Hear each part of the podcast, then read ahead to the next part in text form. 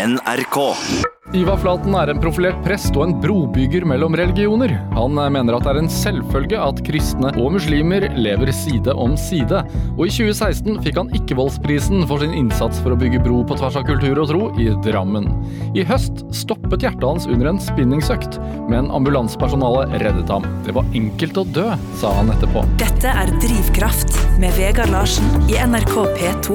Yes, du hører på Drivkraft på NRK P2 og kom litt seint på lufta her. Jeg vet ikke, det var noen tekniske problemer, men nå er vi i hvert fall her. Og Ivar Flaten, hjertelig velkommen til Drivkraft. Vi prøver på nytt, vi. Ja, tusen takk skal du ha. Veldig hyggelig å være her. Det er hyggelig å ha deg her. Eh, Du er litt forkjøla i dag, Litt forkjøla. så, så det får vi bare tåle. Det går Eh, bra, tror jeg. Jeg lurer på, altså som prest, hvordan er en helt vanlig dag på jobben for deg? Det tror jeg er ganske forskjellig fra hva slags eh, type prest. En vanlig prest eh, har jo ofte uka full av praktiske ting. Det kan være forberedelse til dåp. For den som har flere dåp, så samler en ofte dåpsforeldre. Og så kan det være at en har en begravelse eller to. Da skal de jo også møte folk, snakke med dem, finne ut av hvordan det livet som er borte nå har vært. Og så skal en lage en, en liten tale rundt det.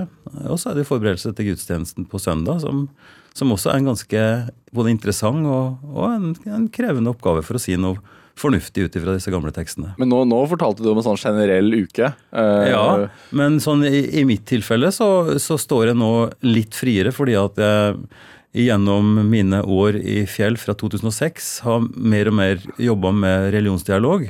Og det har spissa seg nå på den måten at vi har fått etablert et kirkelig dialogsenter med sete i Fjell kirke. Fjell i menighet i Drammen. Fjell menighet i Drammen, ikke i Bergen. Der er det ofte noe sånn miks. Vi får post både hit og dit. Men det, dette er i Drammen, definitivt. Eh, og, og det dialogsenteret det har som mål å, å jobbe med, med dialog, eh, samfunnsaktivitet, eh, brobygging, som du sa, for å få folk til å kjenne hverandre og kanskje seg sjøl litt, litt bedre. Så min jobb handler jo mye om å jobbe med med arrangementer, med å, å dra rundt og snakke med folk og til folk i foredrag. Eh, skrive litt. Ja, og nå skal jeg også i gang med en podkast, faktisk. Men, men du har et eh, kontor i, i Har et kontor i underetasjen i Fjell kirke. Ja. Da fikk en kollega nå, en ny sogneprest i Fjell, så, så flytta jeg ned. ned, Eh, nedgradert. Nedgradert, ja. Eller ja, i hvert fall så er det en veldig praktisk, et veldig fint bygg som ble bygd i 84, som er en så- såkalt arbeidskirke. Så der er det god plass, og vi har eh, gode lokaliteter i i underetasjen. Hvor jeg da har et fint kontor, og hvor vi har god plass til å ta møter, og, og har også kolleger på plass der. Men du holder prekener fremdeles? Ja da, sist nå på søndag, i går, Ja. så hadde jeg en preken om Johannes som satt i fengsel og lurte på fælt hva, hva som skjer. Er du den som skulle komme, eller, eller hvordan henger det sammen? Her sitter jeg i fengsel og skal dø snart, og så Ja, hva skjer? Ja. Johannes 11. Mm. Hvordan er det du går frem for å velge ut eh, hva som blir fokus i prekenen, når du holder, holder prekenen? Utgangspunktet er gitt, da, for vi har det som heter tekstrekker. Så der har vi Kirkens eh, lederskap, som på et tidspunkt har valgt eh, en serie med tekster for gjennom kirkeåret, som det heter, som starter første, første søndag i advent. Og da er det lagt opp til at den har én tekst fra Det gamle testamentet, en fra Det nye og en fra brevtekstene. Og det settet av tekster er utgangspunktet for søndagens tema og, og preken, om du vil. Kan det være litt sånn 'Å nei, nå har jeg fått det igjen'? Ja, det er jo hvert tredje år, da. Så skjer det. hvert tredje år, fordi du har altså tre separate serier, og, og nå er vi i tekstrekke én. Ja. Og det betyr at for tre år siden så hadde vi akkurat samme tekstvolumet som utgangspunkt. Men, eh, men her, her er jo det Det interessante er jo hvordan den teksten møter dagen i dag, og hvordan en som person som skal prøve å sile dette her og formidle det, eh, har det og ser på ting. Så det er, det er alltid nytt. Og en, en, det er jo noen som ler litt av det at prester har et godt liv som bare kan snu bunken liksom, og, hver uke. Og det, det som foregår er rundt mellom 11 og 12 på søndag. Ja. Eh, sånn er det nok ikke, og det er også veldig uinteressant eh, hvis det skulle være sånn. At en bare skulle messe opp og lese et eller annet som en har gjort før. Men, men det, det, altså det du holdt i prekenen i går, da, hvor, hvor du snakket om at Johannes satt eh, fengslet og lurte på hva som skjedde. altså hva, Hvordan oversatte du det til vår tid? Ja, det, eh, Johannes var jo en, eh, han var en slektning av, av Jesus. Dette er historia om, om Maria som, som får beskjed om at hun er med barn, og som drar til Elisabeth, slektningen sin. Johannes er jo eh, Elisabeths sønn, som også ble, ble født under ganske mystiske omstendigheter. Eh, begge var gamle. Det er nesten sånn historie om Abraham og Sara igjen. ikke sant? Men i hvert fall, de vokste opp nok, vil jeg tro, en del sammen. De ble kjent med hverandre. Så Johannes var en profetskikkelse. Han ble kjent, altså han, Det står om at han var i kamelhårkappe og spiste vill honning og var ute i ørkenen. Og, og, og virkelig hakka løs på folk ikke sant? med botsforkynnelse og sånn. Så han var en sterk stemme. eh, Og han var veldig bevisst at han var en forløper for Messias som skulle komme. Men så havna han altså i fengsel, for han var jo så tøff i trynet og så stor, ja, stor i kjeften, for å si det veldig ubeskytta, at han kritiserte jo kongen, og han, han var på noe så utrolig. Eh, Så han ble kasta i fengsel. Kongen var redd for at det skulle bli opprør og, og, og sånn. Og, og han mista jo bokstavelig talt hodet. Han, han ble. Halshugd, Ja. ja. Men mens han satt i fengselet, så spurte han altså Og han, det må jo ha vært sånn at han fikk en tvil, da. At han på tross av sin styrke, på tross av sitt, eh, sitt liv, altså som forkynner og som, eh, som gudsmann og profet, så, så satt han der i fengselet og lurte på hva er det som skjer nå. Ja. Det var ikke sånn likevel. Ikke sant? Har bomma fullstendig. Så det jeg snakker om, og, og da er jo, Hva er en profet? Hva er kirkens profetiske stemme i dag? Eh, snakker vi folk etter munnen? Eh, er vi sånn harmonisøkende og, og, og jobber for at folk skal ha det bra og roe seg ned med ja, osv.? Eller er vi sånn mer i Johannes-tradisjon at vi virkelig eh, slår til og sier at hør her, altså dette går ikke, vi er nødt til å snu. Altså, Venn om er jo liksom den tradisjonelle kristelige delen. ikke sant? Omvendelsen. Du må, det, dette må vi slutte med. Vi er nødt til å gjøre noe annet for at dette skal gå bra. Og I den tradisjonen så er det lett å snakke om hva er dagens profeter. ja, hvem er det? Ja, så Hvis jeg tenker på de, de som tenker litt tilbake, de gamle spurte jo direkte i kirka også. Arnulf Øverland, ringe den bjelle da. Ikke sant, Hva var det han sa? Du må, du må ikke tåle så inderlig vel det som ikke angår deg selv. Du må våkne opp. Og i dag så er det kanskje årets navn. Greta Thunberg? Ja. Ja, Du mener at hun kan Hun har en profetisk stemme. altså Hun, hun står i FN-bygningen og så sier hun til statslederne How dare you? Ja. Hvordan tør dere å fortsette når dere vet at dette går åt skogen? Eh, Men hvordan vi, skal, hvordan vi skal håndtere det, hvordan vi skal ta dette innover oss og vende om da, for å bli det bildet, det er jo en utfordring, for å si det forsiktig. Og den utfordringa har jo jeg, og den har du, og den har forsamlinga som hører på. Så hvis de tekstene skal gi mening, så må det jo så må det jo konverteres eller aktualiseres inn i en samtid, slik at det, det treffer. da, på Ja. en måte. Ja, For det er ikke så mye kamelhårklær Ja, det er jo noen som Noe, vil, som vil søke ut i, i villmarka, som, som, som tenker at vi trekker oss tilbake og dyrker jorda og, og lever enkelt og, og har ei ku og noen høner. Og, men det er jo ikke gitt at det løser så mye, Nei, kanskje. Nei, nei. Og det, og det er jo det feltet vi, vi beveger oss. da. Hvordan skal vi sjøl anrette livet vårt, sånn at vi kan se oss selv i speilet? At vi, at vi kan stå for det vi, det vi driver med. øh, Og ha en stemme og ha et liv som, som er sånn noenlunde i, i synk da, med hva vi tror på. Men, men som prest eh, er- Er det problematisk å, å si at Greta Thunberg f.eks. Uh, er en slags moderne profet i dag? Uh, fordi det er jo ikke det kristne budskapet hun, uh, hun kommer med, eller er det det? Ja, skulle det ikke være det? Altså, Hva er ukristelig med det? Eh, Hvis det, hvis det er slik at eh, vi, vi tror jo, de, de fleste troende har jo en følelse av og en tanke om og en tro på at, at verden er skapt med en god intensjon, og at, at verden finnes der med sine muligheter og sitt system, som er bærekraftig eller godt. Altså, I de gamle tekstene våre så står det at Gud eh, så det han hadde gjort, og han så at det var godt, og så hvilte han. Eh, det som skjer nå, altså vi er inne i ja, det, det er sikkert du også klar over, men, men geologisk historie sier jo at vi har hatt nesten utryddelse fem ganger. Ja. Eh, og nå, i, i vår tid, så snakker vi jo antroposen. Altså at mennesket med sitt avtrykk og med sin virksomhet skader eh, naturen og skader verden på en sånn måte at det ser veldig stygt ut. Og hvis vi Altså Sjølskading er jo ikke noe hyggelig. Det er også et problem, dessverre. Eh, sant, At folk har det så dårlig at de må liksom nærmest skjære seg for å kjenne at de lever. Ødelegge seg sjøl er ikke noe. Eh, Det å forgå i, i rus og elendighet og vold er ikke noe. Men det også å drive vold mot, mot livsvilkårene våre, det er klart at det er et, et kristelig og et dypt religiøst prosjekt som vi har sammen med mange andre også. Og der tenker jeg jo at eh, en såkalt naturreligion. Det er et veldig eh, dårlig uttrykk. Men altså amazonindianerne, sjamanene der, eh, samisk tradisjon, som har den eh, veldig nære forbindelsen til jorda og til skogen og til, til livet i mye tettere på enn det vi har, som bor i en by, at de også har en veldig viktig stemme og impuls.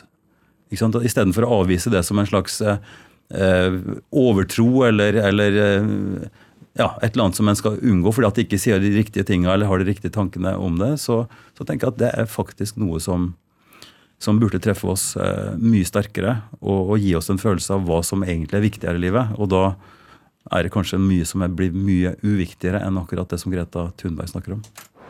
Dette er Drivkraft med Vegard Larsen i NRK P2. Og i dag har vi dialogprest for eh, Tunsberg bispedømme, Ivar Flaten, her hos meg. Og vi prater om eh, prekenen han holdt i går, egentlig, i, i Fjell eh, kirke Ja, i Fjell kirke. i Drammen. Mm. Eh, jeg, jeg, jeg tenker på altså den tida vi går inn i nå, jula. Mm. Det er jo litt sånn Jeg tenker jo at det er litt sånn kirkens eh, Black Friday. eh, At dere da har liksom muligheten til å virkelig skinne. Folk strømmer til kirkene, eh, land og strand, i mye større grad enn ellers i året. Ja da, det er helt riktig. Jula er nok den kanskje mest grunnfesta og viktigste høytiden for de fleste av oss. Fordi at vi da samles i familien, fordi at vi, vi spiser det samme maten som vi gjorde da vi var små, og, og gir hverandre gaver og er sammen, får en pust i, i bakken når, når det er som mørkest. Og, og ser jo nå, altså Folk tenner jo lys utenfor husene sine fra slutten av november. Eh, fordi at en ønsker en liksom en kobler seg på denne trivselen. Ungene mine spiller jo julemusikk fra 1.12. eh, og ser et sett filmer som du skal ha sett gjennom perioden, som er sånn feel good-filmer. Filmer, ja. Som er jule, julefilmer, liksom. Har du noen sånne julefilmer? Ja, altså jeg ble jo, jeg ble jo hekta på noen av de eh, også. Det, altså den her eh, Love Actually, for eksempel. Det er jo et, et, et eh, godt kristent budskap. Kjærligheten er overalt. Ja, når du ser, når du ser eh, sluttscenen der, spesielt er veldig rørende, som er en sånn ankomsthall i et eller annet på Heathrow, tror jeg, Ja, ja, ja, nettopp. Men er folk, du ser bare disse her lysende menneskene som møter hverandre, som er så utrolig glad for å, å se hverandre, og som liksom helt sånn nakent, ubeskytta, vakkert. Og så blir det bildet bare større og større, så ser vi en kjempemosaikk av sånne møter. Og jeg tror kanskje det er det viktigste med jula også. altså en, en møte så å, feire fellesskapet på en eller annen måte. Feire nærheten. Feire og, og, og, når du har et lite barn som fødes liksom i kryb, krybba som har blitt en slags eh, idyllisk eh, tanke på at dette er veldig kos, så glemmer vi jo at det, at det samtidig er det, liksom et veldig konkret eksempel på hvordan folk faktisk i altfor stor grad har det nå også. Ja, ikke sant? Så Så de det er, finner, ikke, finner ikke noe sted å være og, og må liksom klare seg på ekstremt minimum, om det da er på Lesbos eller ikke sant? Det, Så det er så mange sånne mottanker som kommer. og og det er også interessant med, for å bare si litt om det som vi hadde med kirkeåret, at, at på slutten av kirkeåret så har du disse her veldig intense tekstene om, om, om dom, eller om at det går ikke bra. ikke sant? Vi, vi, vi går mot et eller annet som er veldig dramatisk. Eh, Og så kommer vi over i, i adventstida, som også er en type fastetid. Det vet jo ikke folk, eller hvem av oss vet det, liksom, at det er fire ukers faste fram til jul. Det er det motsatte for oss. ja, det er det motsatte. Men, men det er også en sånn tid hvor en fokuserer på dette, altså med, både med tvilen og, og spørsmålet hva, hvordan skal dette gå? Hva er potensialet her for liv? Hva er mulighetene? Og da er det et lite barn også, som fødes inn i verden mot alle odds. Ja. I en situasjon hvor eh, det er så utrolig krevende å tenke seg at en skal kunne leve opp. Eh, Og dette mennesket som lever opp, er da også en, en svært fascinerende og interessant person, jf. deres kompaniskapet med Johannes og de to gutta som leker og sikkert diskuterer Toran og Kappe som må kunne mest utenat og hva vet jeg.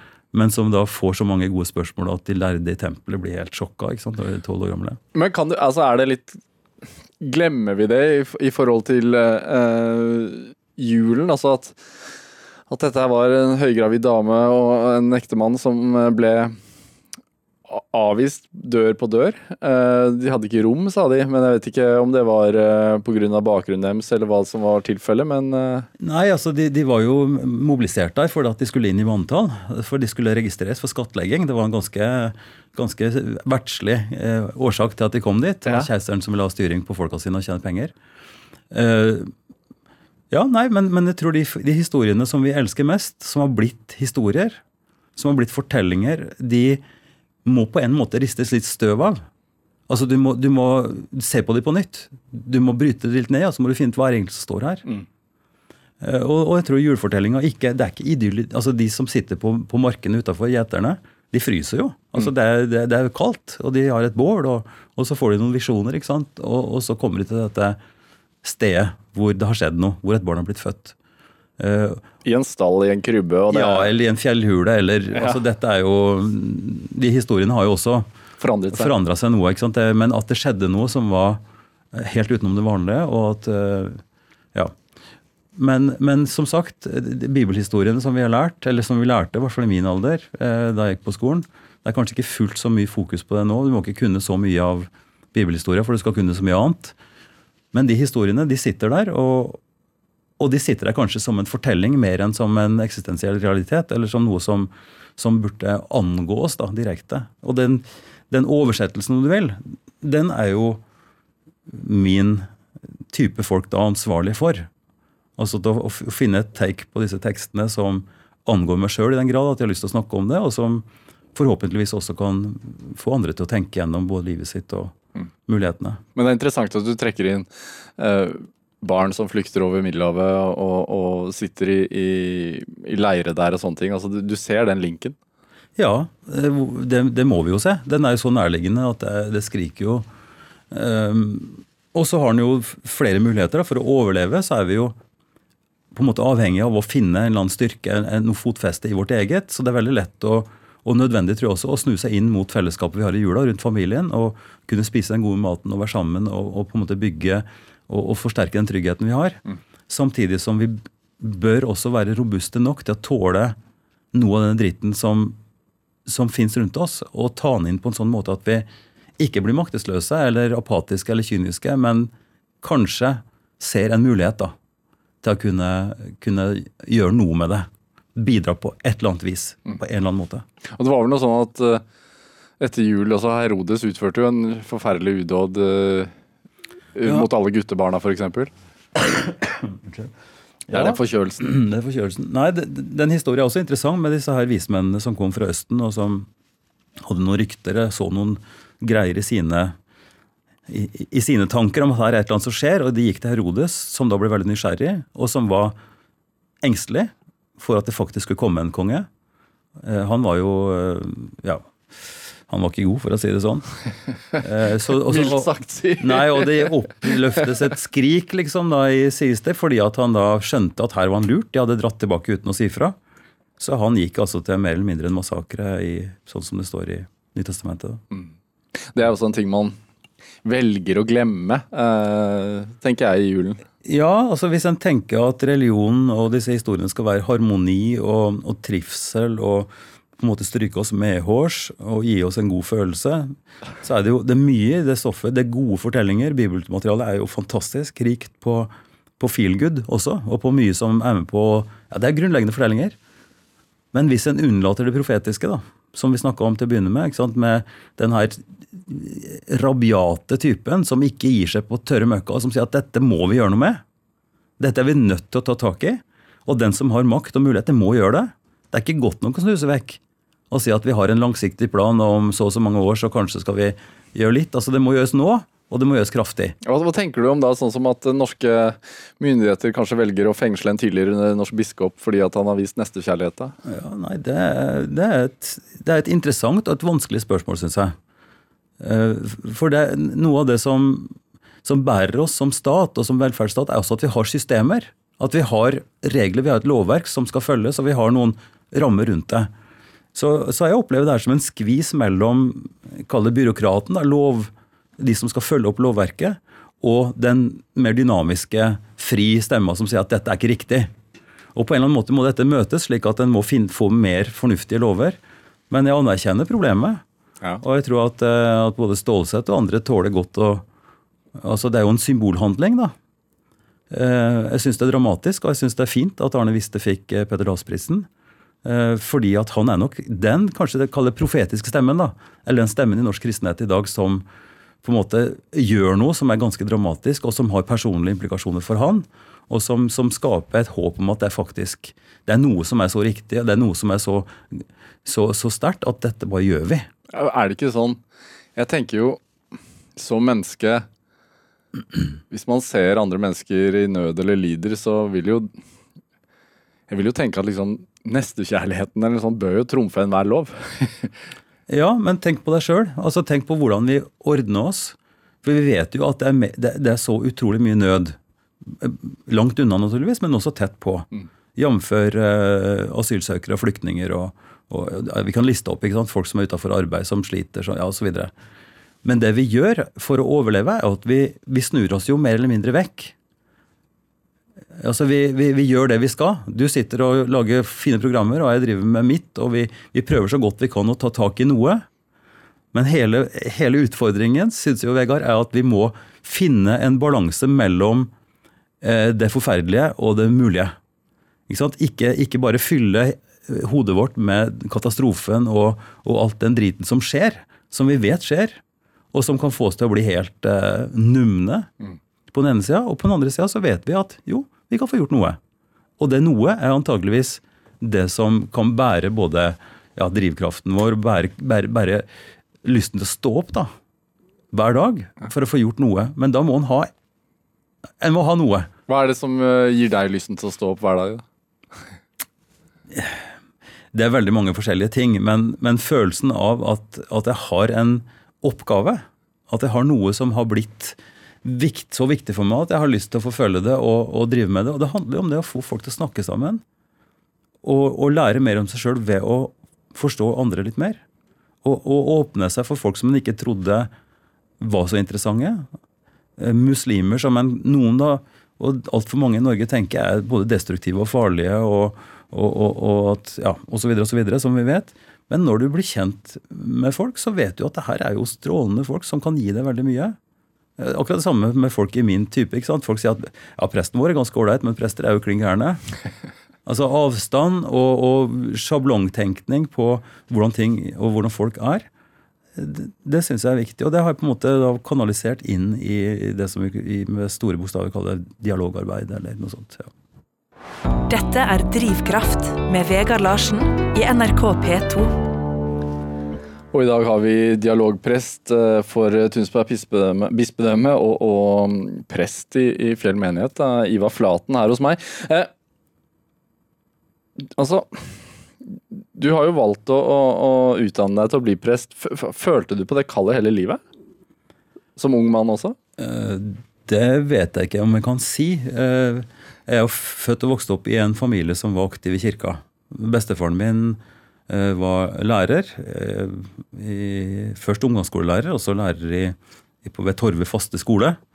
eh, Og var en aktiv del av, eh, av indremisjonsmiljøet. Bestemor eh, fra en haugiansk familie og, og sånn. Og så øh, vokste jeg opp på den gården. Faren, far og mor tok over den gården. og så jeg vokste opp i det miljøet, og, og mor tok over da bestefar var slutt, slutta som klokker. Så tok mor over. Så mor var like lenge nesten klokker i, i, i Fjell kirke. Eh. I, i Oppdal kirke, mener Med andre ord vok vokste opp i et Voksen opp i et, et kirkelig miljø, og vi Ja. var også på bedehuset en gang imellom.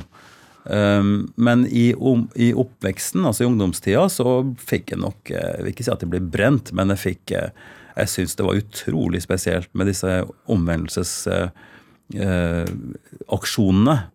Det kom, kom eh, predikanter inn i bygda som brukte da store lokaler, og som piska på med ganske heftig forkynnelse for at folk skulle komme fram og bøye kne og omvende seg, som vi snakka om.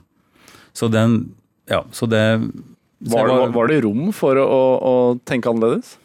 Ja, så det var veldig tydelig skille. Eh, Kirkefolk var, i, i en del bedehusfolk sine øyne, så var kirkefolka litt, det var litt skeptiske til.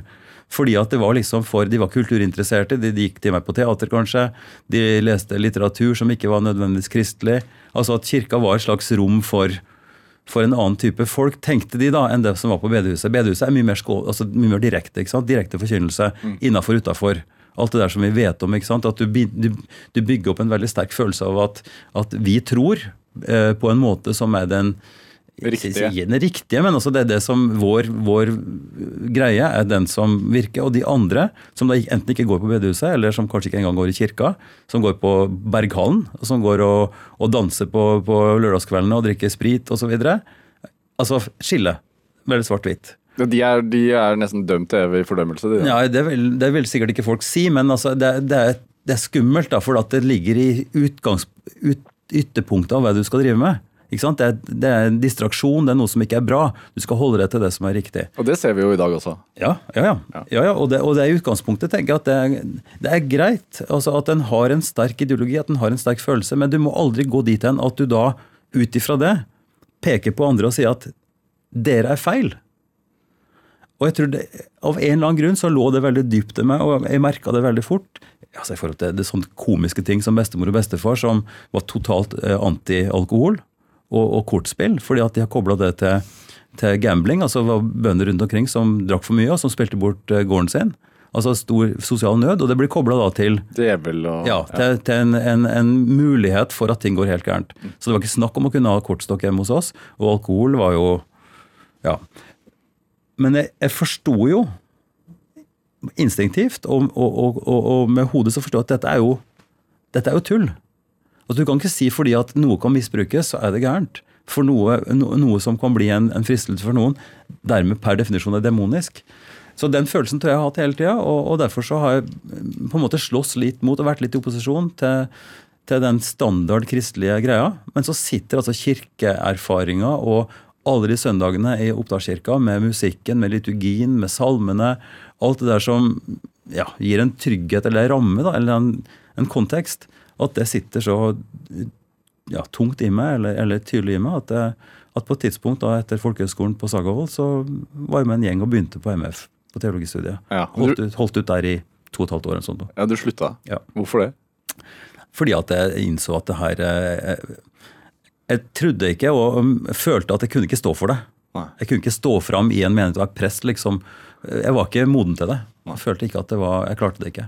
Så jeg måtte slutte, og så ble det andre ting. Det var lærerskole, og så ble det datavirksomhet, og så ble det ja, byråkrati, og så ble det ene og andre. Men kan man være ikke-troende og prest? Eh, teknisk sett, ja. Det tror jeg. Da blir det et veldig interessant spørsmål hva tro er, da. Ja. Ikke sant? Eh, og tro og håp er jo ganske Og tvil er jo også ganske tett forbundne ting. Men jeg tror det at det kan være kolleger som som er så slitne, eller som er så desillusjonerte, eller som har så Ja, som kan føle da at den, den troen som de hadde en gang, har forandra seg, og kanskje også til dels kan være borte. Hvorfor valgte du å gå tilbake til Menighetsfakultetet og fullføre, eller til teologiutdannelsen og fullføre og bli ja, prest? Da jeg begynte å nærme meg 50, så da, da jobba jeg i en databedrift. Eh, og det var ting som skjedde sånn fram og tilbake. Vi, vi trodde vi skulle kjøpe eller overta en konkurrent, og så gikk det andre veien slik at konkurrenten kjøpte oss. Eh, og, og, og, da fant jeg ut at eh, nei, da, jeg, da ville jeg prøve noe annet. Eh, og da kom det etter en samtale med en god venn som også er prest, som jeg starta studien sammen med. Og han foreslo det liksom ut i, nærmest ut i lufta, men jeg skulle ikke tenke på det igjen. Og så festa den tanken seg. Og så tok jeg da slutten, altså resten av teologien på et par år. og og fikk tjeneste i, i Drammen i 2006.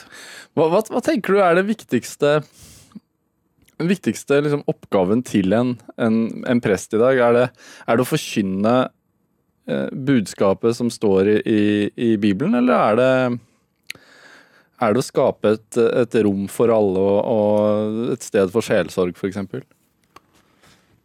Altså Uten Bibelen og uten eh, den kristne troslære eller på en måte tradisjon, så vil det jo være meningsløst. Så kirka er jo bygd på formidling av evangeliet, forkynnelse av det gode budskapet. Eh, og det gode budskapet er jo radikalt, og det er omfattende. Og det handler om Det er jo noen som vil si at du forkynner evangeliet om nødvendig med ord.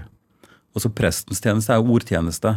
Eh, så, så, så, min oppgave er jo på en måte å sette, sette ord og, og, og, mening til det, mens andre kolleger i kirka driver med musikk eller med diakoni, altså sosialt arbeid. Eh, og det tror jeg òg Altså det som, det som er kirkas mandat, er jo at vi skal gjøre gode ting. Altså vi skal leve, På en annen måte, en skal være Kristi etterfølger. Og Hvis en leser evangeliene om Jesu radikalitet i forhold til fattige, i forhold til sykdom, i forhold til makt, så er det jo ganske dramatisk for bildet. Det gikk jo ikke bra. Ikke sant? Han døde av det. Mm. Han var så direkte og så på at eh, myndighetene tålte det ikke. Og det er klart For, for Den norske kirke, som har en århundrelang sterk link til det offisielle, og til kongen og kongens tro og kirkens tro osv., så, videre, så så har vi en link mellom ja, mellom det offisielle Norge, eller mellom eh, kirka og establishment. Eh, som vi ser også i andre, altså Keiseren eh, gjorde det samme ikke sant, på 300-tallet veldig opportunt å knytte, eh, knytte en stor ideologi mm. i vekst til makt. Eh, og noe av dette tror jeg også er noe som eh, vi må tenke over nå. altså er det sånn at, at vi som majoritetstrossamfunn, som kirke, burde tenke litt annerledes enn før. Vi, er vi nå mer en storebror eller storesøster i forhold til alle andre tros- og livssynsretninger? Mer enn en dominerende maktfaktor som setter skapet på plass og sier hvordan det skal være? Altså en mental endring som er lettere nå når staten og kirka formelt sett eh, har kutta. Eh, og så har vi så klart fortsatt eh, mye der. Men at, at, det er en link imellom en, si, en norsk, lang historisk tradisjon og, og en kultur som har ytra seg på en bestemt måte, som har blitt en type norsk kristendom, og at, at, det kan være en utfordring til det grunnleggende budskapet. Det tror jeg. Hva er den norske kristendommen? Nei, altså da, du, da, leser vi historie. da, ikke sant? Vi ser hvordan, uh, hvordan kirka, den lutherske kirka utvikla seg i Norge med, med, sine prester og sine, sine biskoper og sin uh, link til skoleverket. ikke sant? Bygd opp norske skoler kom jo som et resultat av behovet for å lære folk kristendom og lese Bibel osv. Så, videre.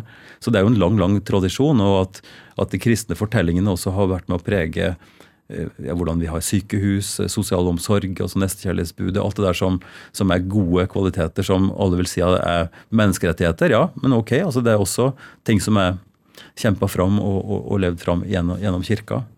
Eh, og så er det vanskelig tror jeg, for en enhetskultur som vår å tenke at, at det fins andre som har et på en måte like legitimt krav på både sannhet og, og livsrom og tenkemåte. Ja, og det er greit? Ja, hvorfor skulle ikke det være greit? Det må være greit. Ja. Er det Altså, det, kristendommen og gudstro og, og, sånne ting blir jo Har blitt brukt som maktmiddel i, i, mange instanser. Eh, det er enkelte politikere også som, som bruker religiøse symboler, f.eks. Hva, hva tenker du om sånne ting? Jeg tror er, det, er, det, er sånn, det er sånn det er.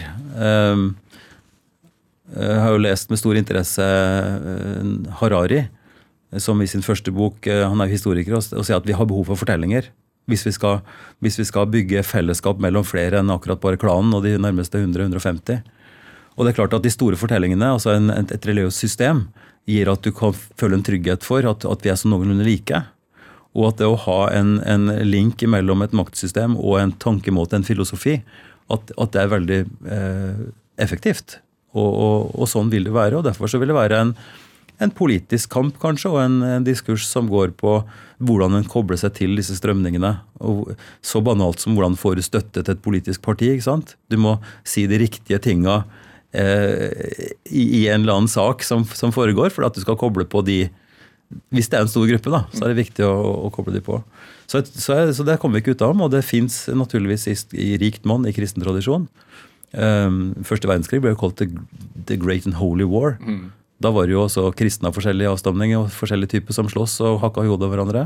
Nå peker vi i en retning og sier at det, det er de som er faren. Muslimene er ja. faresymbolet. Rundt uh, I mellomkrigstida så var det jødene. Mm. Altså, så vi har alltid behov for å peke på noen. Og, og så er det viktig at uh, de som har makt, uh, snakker sant om de andre. Det ser ikke ut til å være så gode vilkår for det akkurat nå, med polarisering både politisk og, og sånn, der ja, Ungarn, Polen, USA, hvor, hvor tro eh, og, og, definerte trossannheter på en måte blir et slags bolverk da, eller politisk eh, hjelpemiddel mot, mot, de andre for å beholde makt. Blir, blir du sint av det? Ja, Syns du det er et misbruk? Ja, altså, jeg, ja, jeg, har ikke så lett for å bli sint, men jeg, men jeg tenker det er en, det er en Det er fortvilende, eh, men forståelig. Så, så det, må, det, det, må, være viktig for oss. Hvorfor er det forståelig? da? Jo, for det er sånn mekanismen er. Skal du ha makt, så må du ha, må du ha en kontakt med store grupper. Og hvis du klarer å tilfredsstille store grupper som, som får det de vil ha, eh, så får du støtte, og så får du Ja. Ikke sant? Det er en slags er en konsolidering av makt og, og en, en, måte å bygge, ja, bygge, bygge maktgrunnlag på og, og, samfunn på. Naturligvis er det det også. Mm. Så, så det, er ikke, det, er noe, det, er ikke, noe, negativt i den forstand. Men når det blir misbruk, når en bruker en majoritetsposisjon eller bruker sin makt og en religion for å karakterisere andre, og, og, og demonforklare eller å stenge andre ute fordi at det liksom skulle være legitimt religiøst sett, da merker jeg at det, ja, det, det er tragisk, og det er ja, det er til å bli sint av. Mm. mm. Kirken har jo en historier hvor de har brukt det maktmiddelet selv også? Ja, altså av samme grunn. Ja. Eh, fordi at folk vil det, eller fordi at det skaper en trygghet, og fordi at det, vi har skoler og vi har ja. Eh, og så kjenner vi historier om prester som har misbrukt makten sin ikke sant, med konfirmasjons... Før så fikk du ikke jobb. ikke sant, Du, ikke, du var ikke en borger hvis ikke du ble konfirmert. Og prester som da mer eller mindre tilfeldig brukte den makta til å flytte folk ned ikke sant, og måtte gå opp igjen. Og, altså det, ja, det legger jo eksempler på hvordan Eh, folk i posisjonene bruker midler eh, på en måte som, er, som iallfall ikke er kristelig. Dette er Drivkraft med Vegard Larsen i NRK P2. Og i dag så har vi dialogprest eh, for Tunsberg bispedømme, Ivar Flaten, her hos meg. Jeg tenker jo at mange velger å besøke kirken for sjelesorg, og dette er bare min antakelse, men mange frykter sikkert også døden. Ja. Uh, du, du, har jo følt dette med døden personlig på kroppen. Uh, noe som skjedde på sensommeren i år, eller i, september i år. Ja. Hva, hva, var det som skjedde? Altså, du, du, er en, du, er en, aktiv mann, du liker å holde deg i form, og du var, og, var på en spinningsykkel? Ja, jeg var på en spinningsykkel. Eh, jeg trener tre ganger i uka sammen med kamerater der, jeg har gjort det i flere år. Uh, nei, Det som skjedde, var at jeg, at jeg ble sjuk. Uh, etter spin hard spinningøkt så merka jeg at kreftene bare rant ut. og og jeg ble, ja, Gutta rundt meg sa at jeg så helt grå ut, og jeg kasta opp og jeg var helt ferdig. Så de ringte til ambulansen. Eh, jeg visste ikke hva som skjedde. Jeg begynte å puste tungt. Eh, ja. Så viste det seg at jeg hadde et svært infarkt.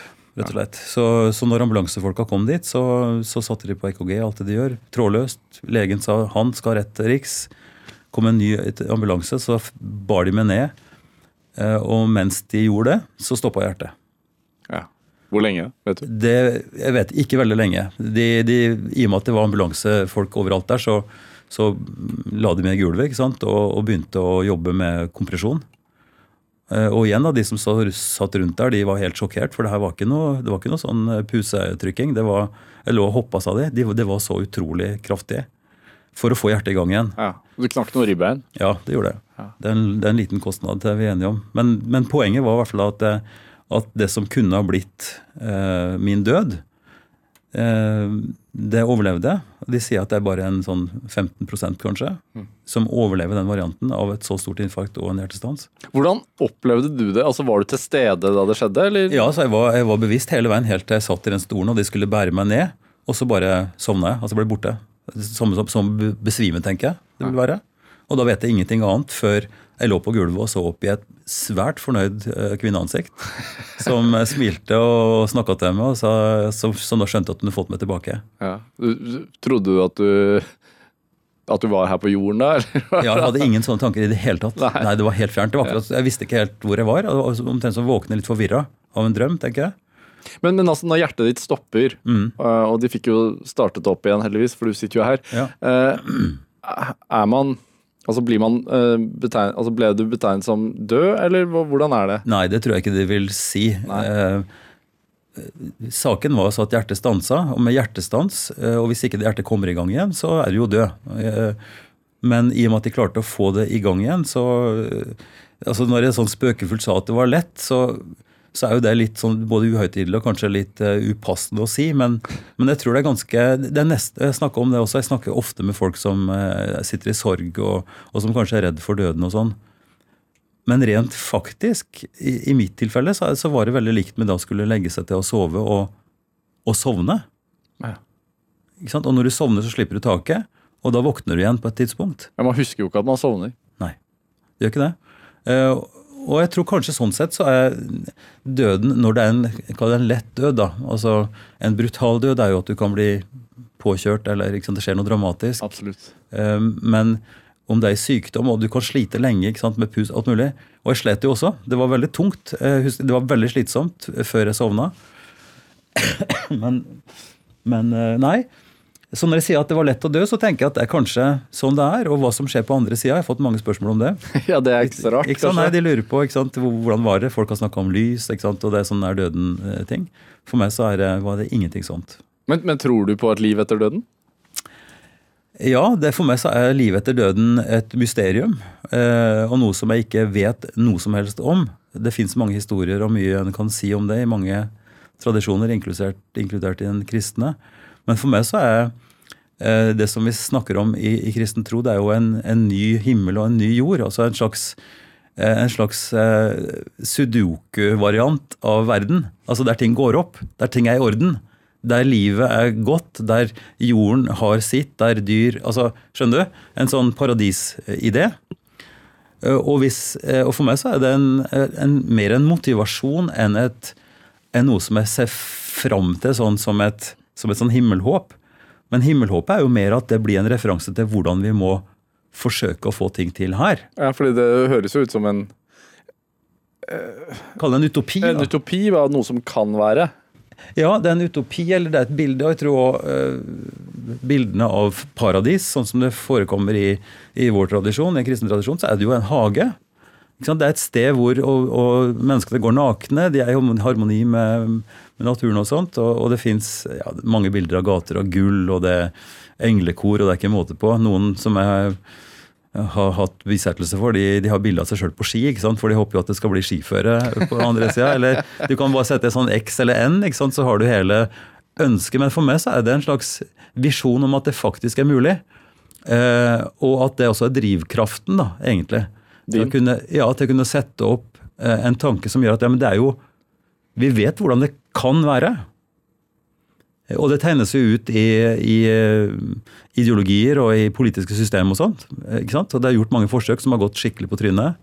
eh, Hvor utopiene, en forsøker å få utopiene til å funke med mer eller mindre makt og sånn. Og det er veldig dårlig historikk på det.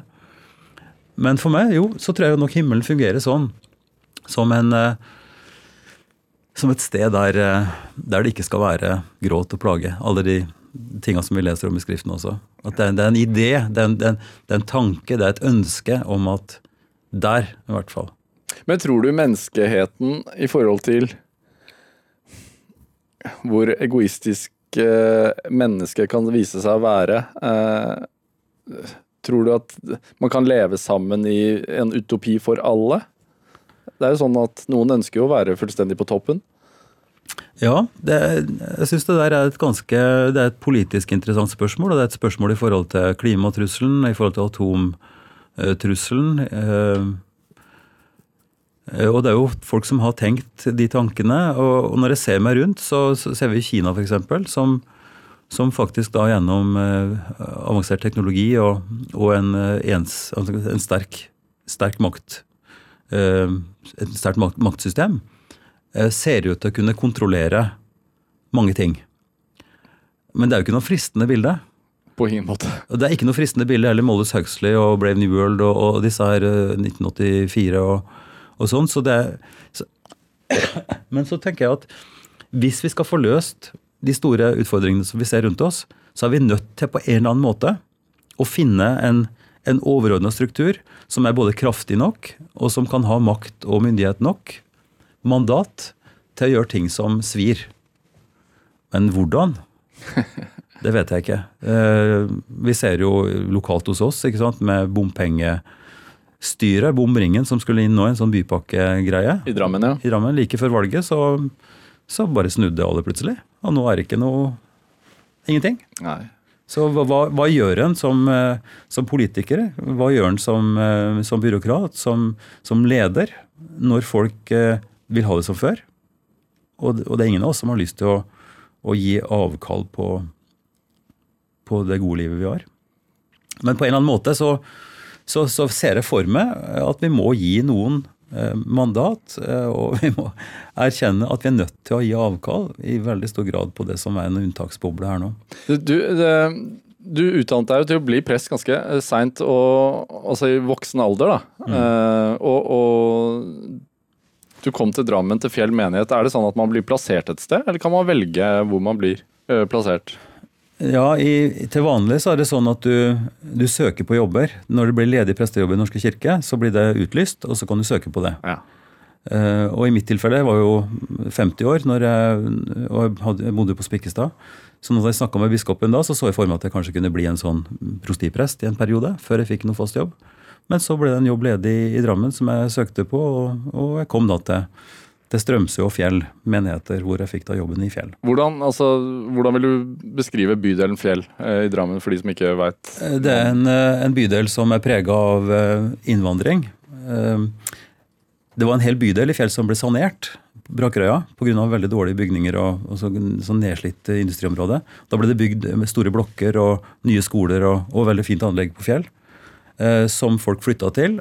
når familiene blir større, så flytta de nærmest Det ser nesten for meg som en sånn fugleflokk, sånn fuglefjell. Da løftet, og så fløy de litt lenger vest inn til, inn til Konnerud. Og da ble det mye leiligheter ledig. Og dette samsvarte med den tida hvor tyrkiske og pakistanske fremmedarbeidere hadde behov for, for, hus, og så at de kom til å bli lengre enn de hadde tenkt.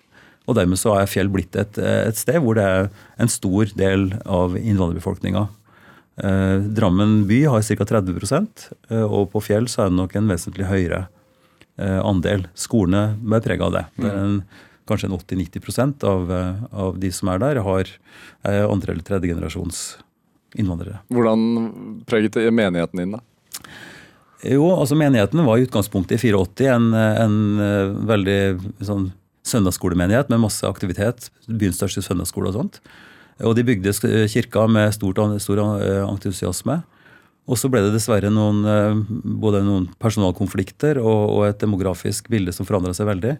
Så da jeg kom dit i 2006, så, så var det en, en, ganske liten flokk. Og, og ja, det var En diskuterte egentlig hva som var grunnlaget for å kunne drive videre. For det var veldig få dåp, eh, få konfirmanter. Eh, ikke mye syk kirkesøkning osv. Så, videre. så det var en ja, altså det er klart altså Hvis det er en stor, stor andel av, av befolkningen i nærmiljøet som er muslimer også, så er, vil jo det ja. prege Ja da. Eh, altså det er jo ja, så, så bydelen forandra seg veldig. Så det ble et spørsmål hva gjør vi? Og, og heldigvis da så var det noen uh, kloke folk i, i menigheten som, uh, som, tenkte at vi er kanskje ikke så veldig ulike uh, Groruddalen. Så vi fikk en prest derfra, Hans Erik Raustøl, som kom og og, og, hadde en sånn inspirasjons- eller diskusjonskveld med oss.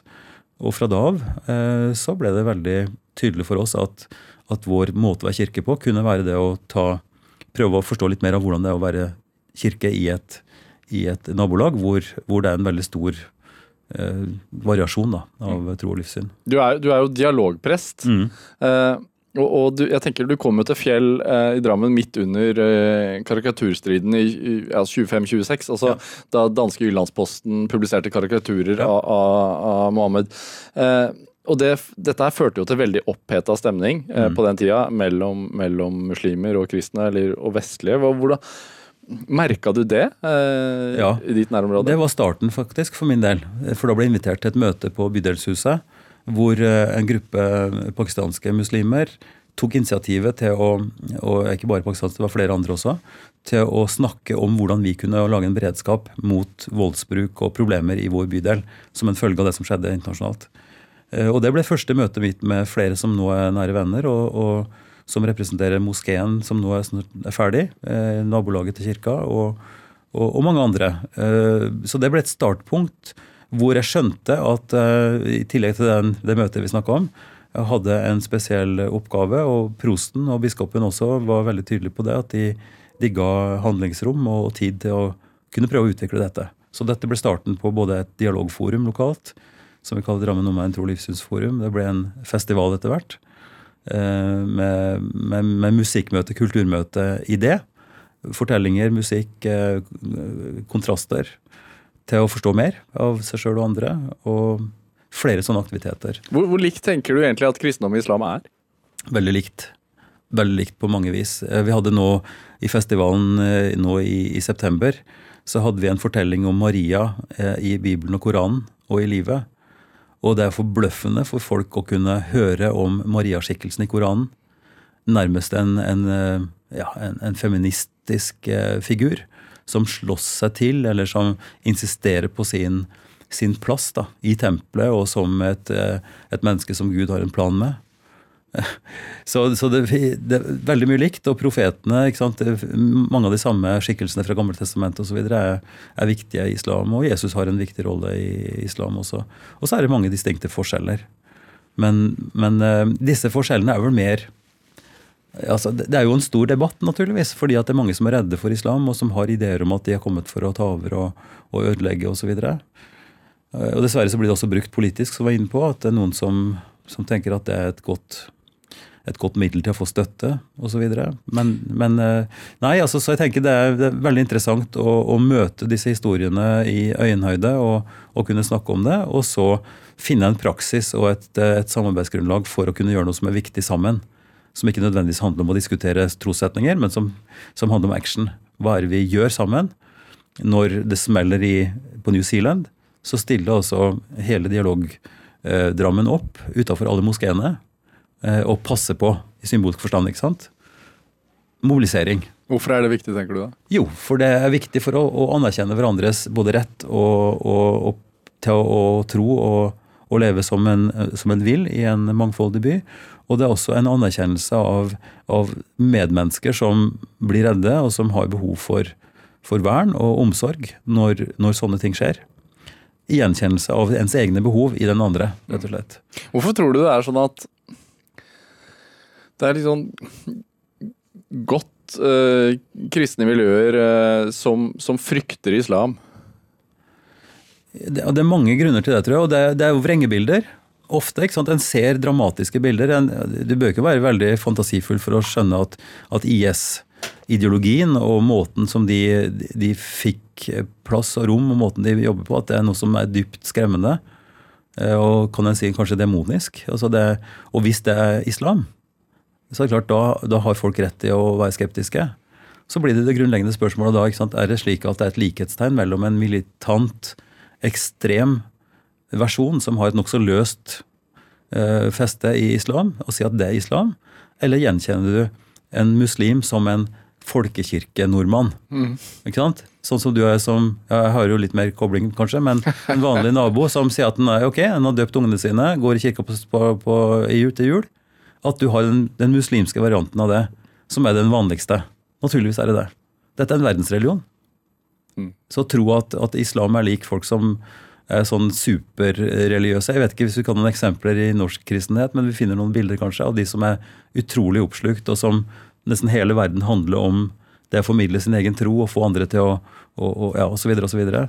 Men eh, noen sier dessverre, men kanskje heldigvis, så er det ganske marginalt. Vi lever sammen som medmennesker og prøver å finne ut av det. Ja, Er det blitt vanskeligere?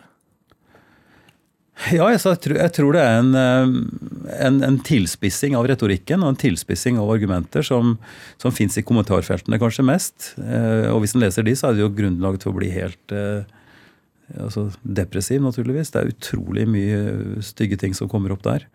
Men i det store bildet så tror jeg at folk eh, kanskje nærmer seg. For min del håper jeg i hvert fall det. At vi i det arbeidet som vi driver, og den insisteringa på den medmenneskelige kontakten og, og, og, den nysgjerrigheten på den andres perspektiv, at det er noe som hjelper oss til å være mer robuste mot eh, de som, som vil tilspissing, og som vil polarisering, og som har en eller annen agenda i det bildet.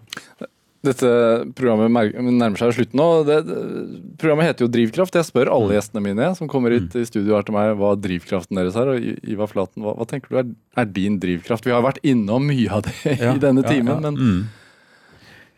Eh, nei, drivkraften sånn profesjonelt er jo det som jeg nå har prøvd å sette ord på. Altså, jeg tror det er utrolig viktig at vi holder fast i, i, i det medmenneskelige. At vi insisterer på at vi er sånn sett har samme behov, har samme har samme berettigelse til å kunne følge våre tradisjoner og vår, vår tro. Eh, og at det dermed blir viktig når, når en har en posisjon eller får en stemme, at det blir min, min oppgave. Eh, man kunne si kall eventuelt, eller altså det er noe som er viktig. Og det er en drivkraft til å kunne stå i, i, alt det praktiske og alle de tinga som skjer. Uh, og så er det så klart alt det som er det viktigste, er jo den nære familien, vennene. Mm. Alt det som, som, bærer oss musikken. ja. Ivar Flaten, det var det vi rakk i dag. Tusen takk for at du kom hit til Drivkraft, og, og riktig god jul. Takk i like måte. Jeg er Vegard Larsen, dette var Drivkraft.